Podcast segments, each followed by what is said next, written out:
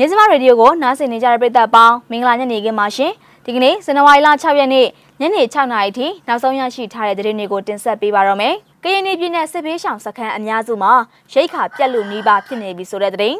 ကင်းမို့ချောင်းရွာထက်တန်းကျောင်းပောက်ကွဲမှုဖြစ်စဉ်မှာ KRF လောက်ဆောင်ချက်မဟုတ်ဘူးဆိုတဲ့သတင်း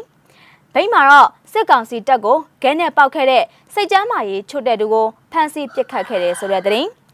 ကရင်ပြည်မြို့နယ်ပြည်သူ့ကာကွယ်ရေးတပ်ဖွဲ့မဟူရနဂါတပ်ရင်မိတ်ဆက်ပွဲကိုဒီကနေ့ဇန်နဝါရီလ6ရက်နေ့မှာကျင်းပပြုလုပ်ခဲ့တဲ့သတင်းတွေကိုတင်ဆက်ပေးတော့မှာပါ။ဦးဆောင်သတင်းတစ်ပုဒ်အနေနဲ့ကရင်ပြည်နယ်စစ်ဖေးရှောင်စခန်းအများစုမှာရိတ်ခါပြက်လူနေပါဖြစ်နေတဲ့အတွက်အလုံငွေတွေနဲ့အခြေခံစားတောက်ကုန်ရိတ်ခါပစ္စည်းတွေအရေးပေါ်လိုအပ်နေကြောင်းစစ်ဖေးရှောင်ကူညီကယ်ဆယ်ရေးတာဝန်ထမ်းတွေထံကတဆင့်သိရှိရပါတယ်။ကရင်ပြည်နယ်ဒီမော့ဆိုရှေ့ဘက်ချမ်းနဲ့ဖရူဆိုဘက်မှာစစ်ဖေးရှောင်စခန်း30အထက်ရှိရမှာ တိုက်ပွဲတွေပိုပြီးပြင်းထန်လာတဲ့အတွက်ကြောင့်စစ်ပေးရှောင်တသိန်းကျော်ဟာစားနပ်ရိက္ခာလောက်ငှမှုမရှိကြောင်းစစ်ပေးရှောင်ကူညီကယ်ဆယ်ရေးတာဝန်ခံတအုပ်ကမျက်စိမှောက်ကိုပြောကြားခဲ့တာဖြစ်ပါတယ်။ရှေ့တန်းကရဲဘော်တွေကိုစုထားတဲ့ရိက္ခာတွေဦးစားပေးပြီးပေးလိုက်ရတော့ IDP ကမ်တွေအတွက်လစ်ဟာသွားပါတယ်။တချို့စခန်းတွေဆိုရင်နှစ်ရက်စာလောက်ပဲရှိတော့တယ်။တချို့ကမ်တွေဆိုရင်တော့နှစ်ကုန်တွေကမရှိတော့တာ။စခန်းတစ်ခုကိုကိုညီလိုက်ရင်တစ်ဖက်မှာမရှိတော့ပြန်ဘူး။အမြဲလောင်းရတယ်ဆိုတာကိုမရှိတာ။ကလစ်နှိပ်တာတွေကလည်း တလာပြီးတလာကြာမရတော့စောင့်နေရတဲ့အတွက်ဂျားရဲကရက်တွေမှာလစ်ဟာနေတာ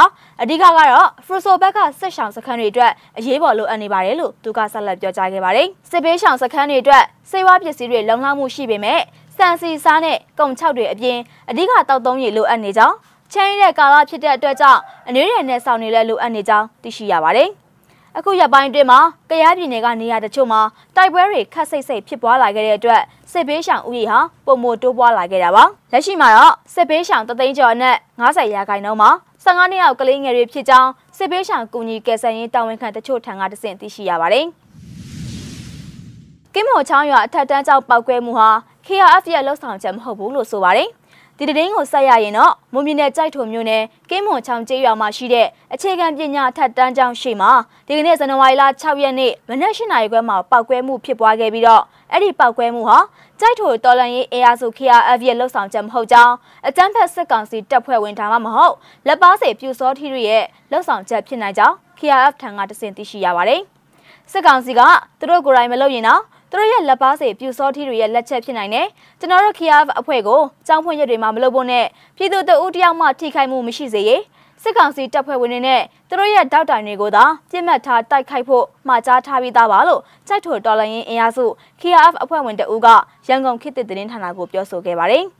ဒီကနေ့မနက်မှာအထက်တန်းကျောင်းပောက်ကွဲမှုကြောင့်ကျောင်းသူတအုပ်အပါအဝင်၃ဦးထိခိုက်ဒဏ်ရာရရှိခဲ့တယ်လို့ကြိုက်ထိုလူမှုကယ်ဆယ်ရေးအဖွဲ့ထံကတစင်သိရှိရပါတယ်။လက်ရှိမှာတော့ကြိုက်ထိုမြို့နယ်မှာ ကရင်အမျိုးသားလွတ်မြောက်ရေးတပ်မတော် KNL နဲ့ KRF တို့ပူးပေါင်းပြီးတော့အကြမ်းဖက်စစ်ကောင်စီတပ်ဖွဲ့တွေကိုတော်လှန်တိုက်ခိုက်နေတာဖြစ်ပြီးမနေ့ကဇန်နဝါရီလ9ရက်နေ့တိုက်ခိုက်မှုနှစ်ခုမှာစစ်ကောင်စီတပ်သား9ဦးသေဆုံးပြီးတော့ 9ဦးဒဏ်ရာရရှိခဲ့တာပဲဖြစ်ပါတယ်။ကြိုက်ထိုက KNU တပ်မဟာ1နယ်မြေထဲမှာလည်းရှိတယ်။အခုရက်ပိုင်းမှာလည်း KNL နဲ့ကြိုက်ထိုကတပ်ဖွဲ့တွေပူးပေါင်းပြီးတော့စစ်ကောင်စီတပ်ဖွဲ့ဝင်တွေကိုတောက်လျှောက်တိုက်နေတာဆိုတော့ပြည်သူတွေတမျိုးထင်အောင်လို့တော်လန်ရေးကိုနမဲဖြတ်တဲ့ပုံစံမျိုးစစ်ကောင်စီကပြန်လုပ်တာပဲလို့ထင်တယ်။သူတို့အရင်စစ်ကောင်းဆောင်အဆက်ဆက်ကလည်းလုပ်ခဲ့တဲ့အကျင့်တွေပဲလေလို့ဆရာနာရှင်ပြုတ်ကြရေးတက်ကြွလှုပ်ရှားသူကြိုက်ထိုမျိုးခံသူကပြောကြားခဲ့ပါတယ်။ဆက်လက်ပြီးတော့ဗိမ်းမြို့နယ်ကသတင်းကိုတင်ဆက်ပေးပါမယ်။ ဗိမ်းမြို့လေတပ်တွင်းမှာကင်းဆောင်နေတဲ့စစ်ကောင်စီတပ်ဖွဲ့ကိုခဲနဲ့သွားပေါက်ခဲ့တဲ့စိတ်ကြမ်းမာရေးချို့တဲ့သူအမျိုးသားတအုပ်ကိုမနေ့ကညနေပိုင်းကတနက်နဲ့ပြစ်ခတ်ဖမ်းဆီးခံလိုက်ရကြောင်း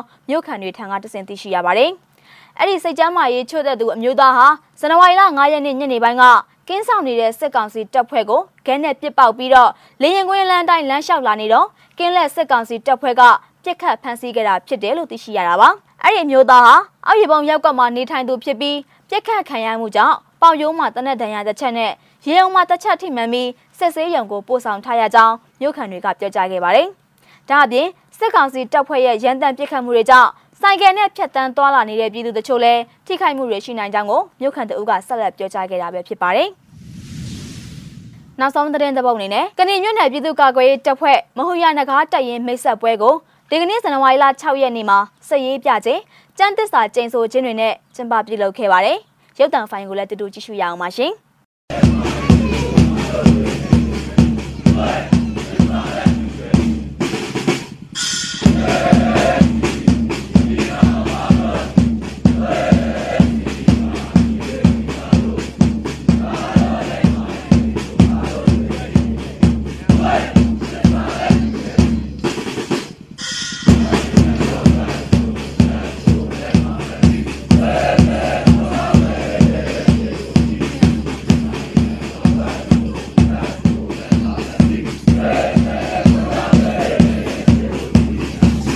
န်နဝါရီလ6ရက်နေ့ညနေ6နာရီထိနောက်ဆုံးရရှိထားတဲ့သတင်းတွေကိုနေစမရေဒီယိုကနေထုတ်လွှင့်တင်ဆက်ပေးခဲ့တာပါ။နားဆင်ပေးခဲ့တဲ့အတွက်ကျေးဇူးတင်ပါတယ်ရှင်။